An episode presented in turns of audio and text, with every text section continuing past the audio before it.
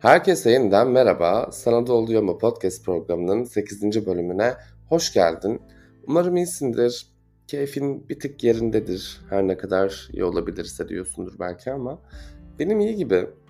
Son zamanlarda yarım bıraktığım bir diziye başladım. Six Feet Under.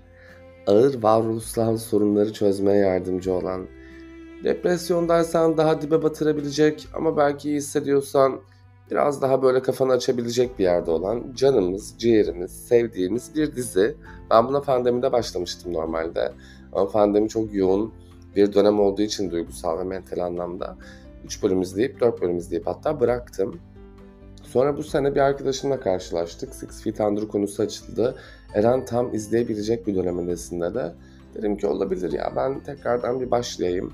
Geçen günde 4. bölümden 7. bölüme kadar bir izledim. İyi geldi valla.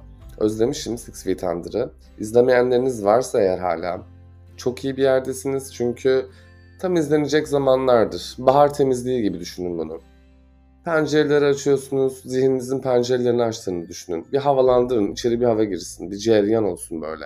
Bir bakalım ne varmış içeride, neler kalmış, bahara ve yaza neleri götürmemeliyim, o kıştan kalan neleri bırakmalıyım geride. Belki Six Feet Under bu noktada size yardımcı olabilir. Henüz izlemediyseniz koşuyorsunuz, Blue TV'ye gidiyorsunuz, Six Feet Under'ı emcürüyorsunuz sonuna kadar. Tüm bunları demişken, dizimizi de önermişken asıl konumuza gelelim. Biraz da laf konuşalım artık. Ama Love'ın bu canımız aşkın bir tık korkunç tarafını ele alacağım. Yani korkunç demeyeyim şimdi. Herkesin nasıl ki iyi ve kötü tarafı varsa hepimizin, karanlık ve aydınlık tarafımız varsa ve aşk da bir duygu ve içinde birçok küçük duygular da barındırıyor. Bu küçük duygular ayrılık olabiliyor, kırgınlık olabiliyor, üzüntü olabiliyor, bazen güvensizlik olabiliyor. Yani küçük deyip geçmeyelim. Orada da irili ufaklı aşkın içerisinde karanlık taraf diyebileceğimiz sayısız duygu var. Tabi her böyle olunca nasıl içimizde bu karanlık ve taraf varsa, aşkta da varsa bu denge oturtturma haline gelmemiz gerekiyor galiba bazı şeyleri. Bir şeylerin fazlası zararsa sıkıntı mıdır sorusunun kafamızda böyle biraz gidip gelmesi gerekiyor. Belki Six Feet Under izlersek, gerçekliğe uyanırsak, çok da abartmayayım, çok da övmeyeyim. Şimdi diyecekler ki yıl 2022 hala Six Feet Under mı övüyorsun ama yani o ceryan yapan zihnimizde belki bu denge daha rahat oturmaya başlayacak.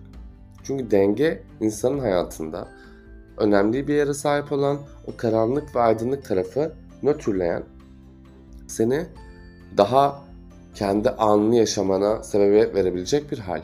Bu yüzden bu halin yanında müthiş bir duygu, kelebekler uçuşturan, midemize bir şeyler sokan, bunu da galiba Aşkı Memnu'daki Nihal'e borçluyuz. Mideme kelebekler girdi, şu an uçuyorum. Evet yani tam bir mideye kelebek girme halidir aşk. Ama biz bu aşkı gelin sevgi haliyle ele alalım. Biz bu aşkı niye bu kadar içindeki duygulara odaklandık da kendisine odaklanamadık? İçindeki sevgisizliği, içindeki değersizliği, şefkatsizliği, güvensizliği artık o her neyse. Tüm olumsuzları aldık. Aşkın kendisine küstük gibi geliyor. Ben bugün bu sebepten, başlıktan da anlayacağınız üzere bombing konuşacağım. Nedir bu bombing? Ne diyor bu çocuk? Love bombing, aşk bombardımanı demek Türkçe karşılığıyla. Harika bir bombardıman. Biri sana böyle su tabancasıyla düşün. Su fışkırtıyor. Ama bu su değil de kalp oluyor. İnanılmaz etkileniyorsun. Midene kelebekler giriyor. Heyecanlısın. Ayakların yerden kesilmiş. Belki ilk aşkın, belki bir daha aşk yaşamayacağım dedin ama o karşına çıkan kişi bu insan. Seni bir şekilde inandırmış, mutlu etmiş, güvenini yakalamış ki bunlar zor. Bu sebepten sende de bir sarhoşluk hali var. Tam olarak bombing'in karşılığı budur. Aşk sarhoşluğu aslında. Aşk bombardımanı. Aşk halinde hissetme olayı. Kelime anlamıyla inanılmaz iyi. Hepimiz buna tutulmak isteriz. O yüzden aşk bombardımanını negatif yönden ele alabilmek de yaşayan insan için bir tehlike arz etmiyor. Neden tehlike arz etsin ki zaten? Aşk bombardımana tutuluyor. Niye burada bir sıkıntı görsün? Sıkıntı görmemiz gereken yer fazlalık. Her şeyin aşırılığı. O yüzden love bombing denen bir kavram var zaten. Aşırı sevgi, aşırı sevgi hali, aşırı aşırı aşırı aşırı bir şeylerin çok aşırılık hali. Şimdi bu love bombing'i biraz daha iyi anlatabilmek için ben felsefik yönden ya da psikolojik yönden değil, tamamen hayatımızın içinden anlatmak gibi bir niyetim olacak bu bölümde. Çünkü belki o zaman daha iyi anlaşılacak. O yüzden seni bir yolculuğa çıkartacağım şimdi. Keyifli bir yolculuk olacak bu. Kendini inanılmaz güzel hissedeceksin. Şimdi ben diyorum ki sana bir bilet veriyorum. Ben de senle geliyorum. Birlikte tatile çıkıyoruz. Şöyle bir anlaşma yapıyoruz. 10 durak boyunca mükemmel bir tatil geçireceksin. Her durakta, indiğin her yerde, baktığın her yerde inanılmaz şeylerle karşılaşacaksın. Büyük sürprizler yaşayacaksın. İnanılmaz sahiller keşfedeceksin. Çok güzel yemekler yiyeceksin. Kaliteli şaraplar içeceksin. Şampanyalar havada patlayacak. Kendinden geçeceksin. Müthiş. Ne kimse seni arayacak, ne kimse seni soracak. Sen kendi halinde benimle yolculuğuna başlayacaksın. Ben sana bu bileti vermişim artık. Sen bunu kabul edince ben sana diyorum ki ama bunu sana 10 durak için veriyorum. 10 duraktan sonrası da artık bilinmez. Ne olur ne biter bilmiyorum diyorum. Sen bunu bir şekilde kabul ediyorsun ama. En azından 10 durak garanti diyorsun ve benimle geliyorsun. Biz birlikte bir yolculuğa çıkıyoruz. Yolculuk inanılmaz keyifli. Yiyoruz, içiyoruz, havuza atlıyoruz, denize giriyoruz. Arkadaşlarımıza rastlıyoruz. Bir tatil köyü gibi yani. Her durağında farklı farklı farklı şeyler keşfediyoruz. Sonra ben de deliyim ya. O 10 durak geçtikten sonra benimki bir aylık bir süreç. Biz de seninle yeni tanışmışız zaten. O bir aylık sürecin sonunda biz Kaş'a geldik diyelim ki seninle. Kaş'tan sonra diyorum ki ben ya bu tatilin bir de sana sürpriz diye bahsettiğim karanlık bir tarafı var. Şimdi bir tünele gireceğiz. Bu tünel çok karanlık. O daha bir ay önce gördüğün şeyler gibi değil. Işıksız kalabileceğin, rahatsız hissedebileceğin, belki arkadaşlarını göremeyeceğin, herkesten soyutlanacağın, sadece benimle olacağın ama karanlıkta kalacağın bir sürprizim var sana. Sen bunu kabul etmiştin ya zaten. O yüzden ben sana bunu bir teklif olarak sunmuyorum. Zaten seni bu yolculuğun sonunu bu şekilde hayal etme diye sana bu tatili vaat etmiştim ve bunu yapmıştım. O yüzden seçim hakkında yok. Ben de zaten geliyorsun. Binmişiz bir trene ya da otobüse ya da artık o her neyse inemiyorsun da. Sen benimle devam ediyorsun diyorum. Sendeki hayal kırıklığını şu an ben görebiliyorum. Gözlerindeki o hüznü görebiliyorum. Çünkü sen bir ay mükemmel bir şey yaşadın. Ben sana bir vaatte bulundum. Ben sana bir bilet verdim. Seni çok seveceğimi, sana çok değer vereceğimi, inanılmaz hissettireceğimi, farklı farklı kıyılarda, hiç bilmediğimiz alanlarda özgürce yaşatam, yaşama fırsatı vermiştim. Ve şimdi onu elinden peyderpey almaya çalışıyorum. Senin bakışların korkak, kırgın, endişeli, güvensiz. Ve ben bunu bilerek yapıyorum. Neden bu hikayeyi anlattım? Ve neden seni bir yolculuğa çıkardım dersen, love bombing tam olarak bu yolculuğun başlangıcındaki olan o bir aylık süreç. Love bombing tam olarak bu yolculuğun o bir aylık olan süreci. Yani güzel tarafı, gezdiğimiz tarafı, yediğimiz tarafı, içtiğimiz tarafı, eğlendiğimiz tarafı. Benim 4 bölüm önce aldığım gaslighting yani bu manipülasyon türü, duygusal şiddet türü de o karanlık tünel. Seni bir yolculuğa çıkarmak isteyecek herkes günün sonunda. Hepimiz ilişki yaşıyoruz, ilişkilerimiz oluyor. Zaten o insanlarla bir yolculuğa çıkıyoruz aslında tanıştığımız gibi. Tanıma yolculuğu bu. Kimi zaman tatile gitmiyorsun ama bir kafeye gidip oturuyorsun. Arkadaşının evinde buluşuyorsun, kendi evinde buluşuyorsun. Bir yolculuğa çıkıyorsun, onu tanıma yolculuğu. Orada onunla keşfettiğin her şey o yolculuğun içerisine dahil.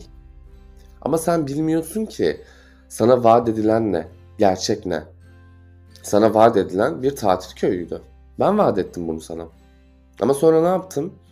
Dedim otobüsten dinlemiyorsun, trenden dinlemiyorsun, geçti. Gitti o iş. Tren kaçtı.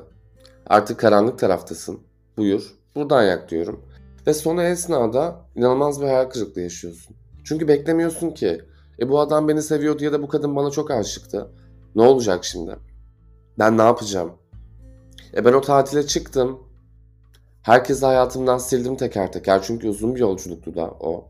Bir ay boyunca kimseye temas etmedim. Telefonum da yoktu belki. Arkadaşlarım da elimden gitti. Belki ailem de elimden gitti. Ben çok güzel başlamıştım buna. Nasıl işler buraya geldi diye soracaksın kendine. O yüzden diyorum ya, sevginin de aşırılığı çok yorucu. Çok yalnızlaştırabilir ilerleyen zamanlarda. Bunu bilemezsin. Ben de bilemem.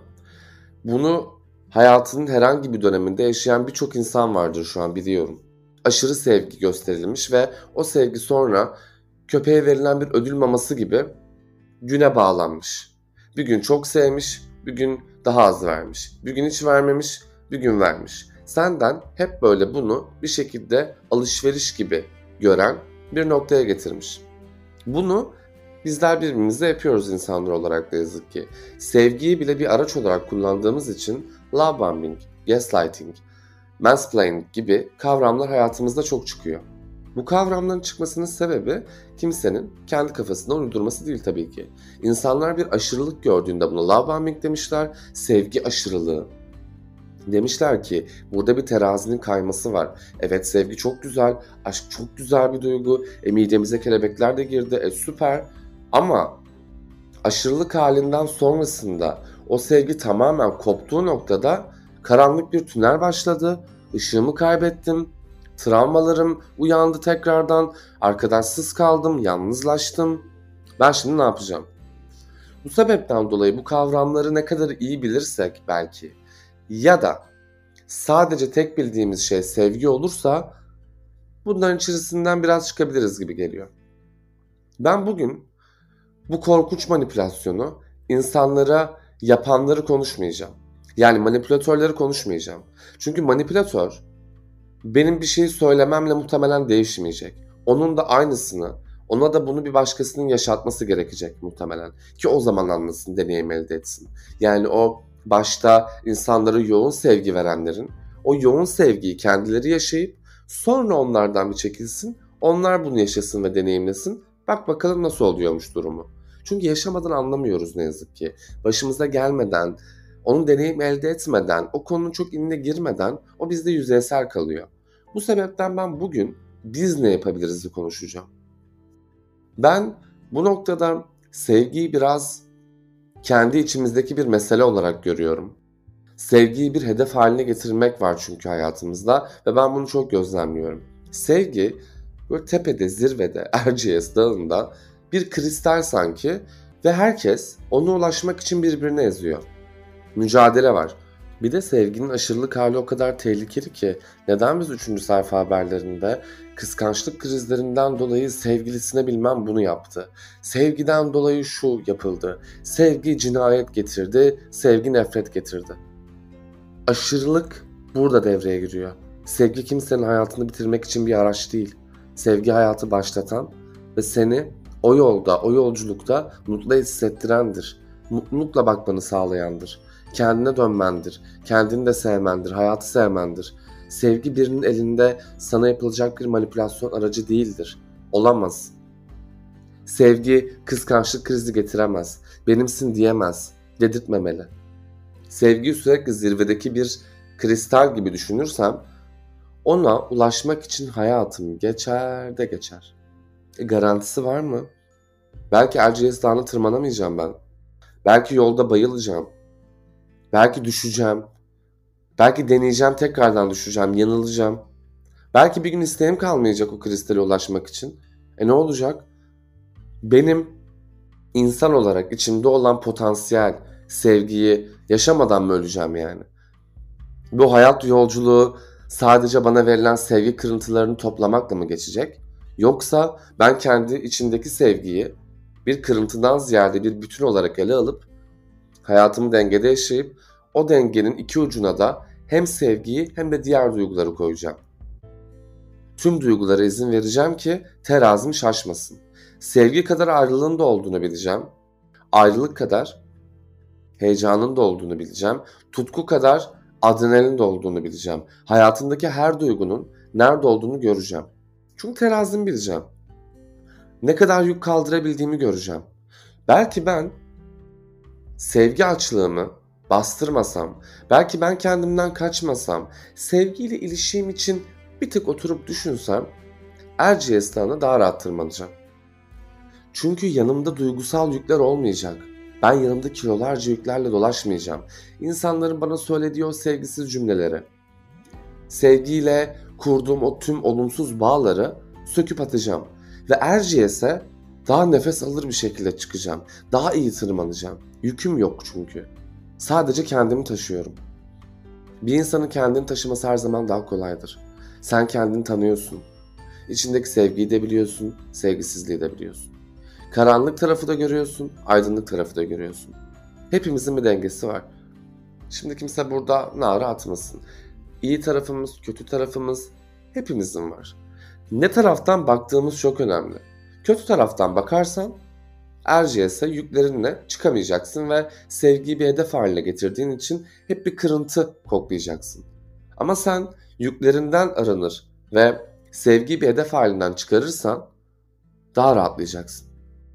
Geçmiş dönemlerde Türkan Şoray diyor diyor galiba. Kadir İnanır'ı belki de hatırlamıyorum işte Serbi Boylumal yazmalımda. Sevgi neydi? Sevgi emekti. Ben bunu revize ediyorum arkadaşlar. 2022 yılına göre uyarlıyorum. Sevgi ne emek? Sevgine ulaşılması gereken bir hedef. Sevgi benim, sensin.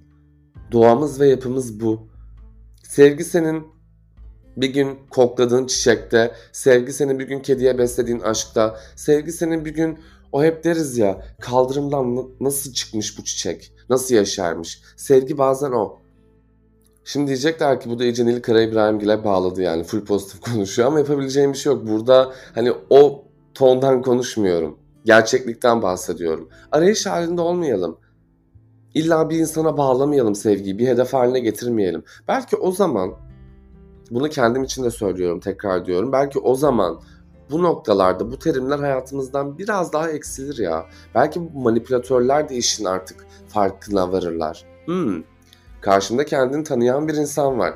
Karşımda sevgisiyle kendine yetebilen bir insan var. Ben bunu manipüle edemem ki. Ama ben bunu sevmeyi deneyebilirim. Belki kendiyle yüzleşir ya en azından. Yani biz bunu o kendimizi güçlendirirsek bu anlamda o sevgiyi insanların bize atabileceği kırıntılar olarak görmez ve hedef halinden çıkarırsak her yerde göreceğiz sevgiyi. Buna eminim.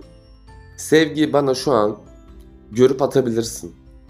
Gerçekten gün içerisinde uyan ya. Gün boyunca muhakkak sevgiyle ilişkili bir şeye denk geleceksin ve bunu fotoğrafla at bana.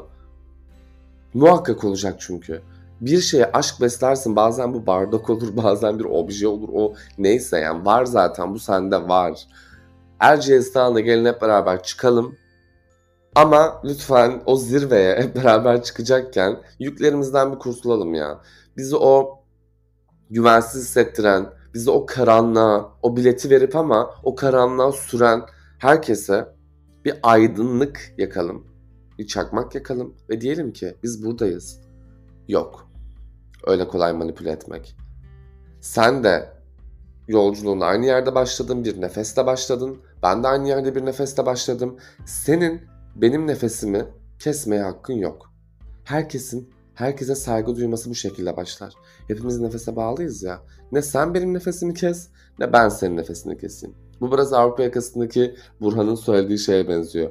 Sen benim sırtıma haşı, ben senin sırtına haşıyım. sen bana saygı duy, ben sana saygı duyayım. Umarım bu kadar saygıdan konuştuk, aşktan konuştuk. Six Feet Under dedik biraz keder ve acı girdi işin içine. Tüm duyguları konuştuk aslında. İnsan özgü her şey konuşuldu bugün burada. Umarım bana gün içerisinde gördüğün o sevgi fotoğraflarının hepsini atarsın ya da yazarsın ya da dersin ki Eren'cim bırak bu Nilkara İbrahimgil ayaklarını gel kendine dersin ama gerçekten çok kendimdeyim. Asla ve asla polyanlacılık yapmıyorum. Bunu fark edince hayata farklı bir gözden bakabileceğini biliyorum. Beni dinlediğin için çok teşekkür ediyorum. Kendine iyi bakıyorsun, hoşça kalıyorsun.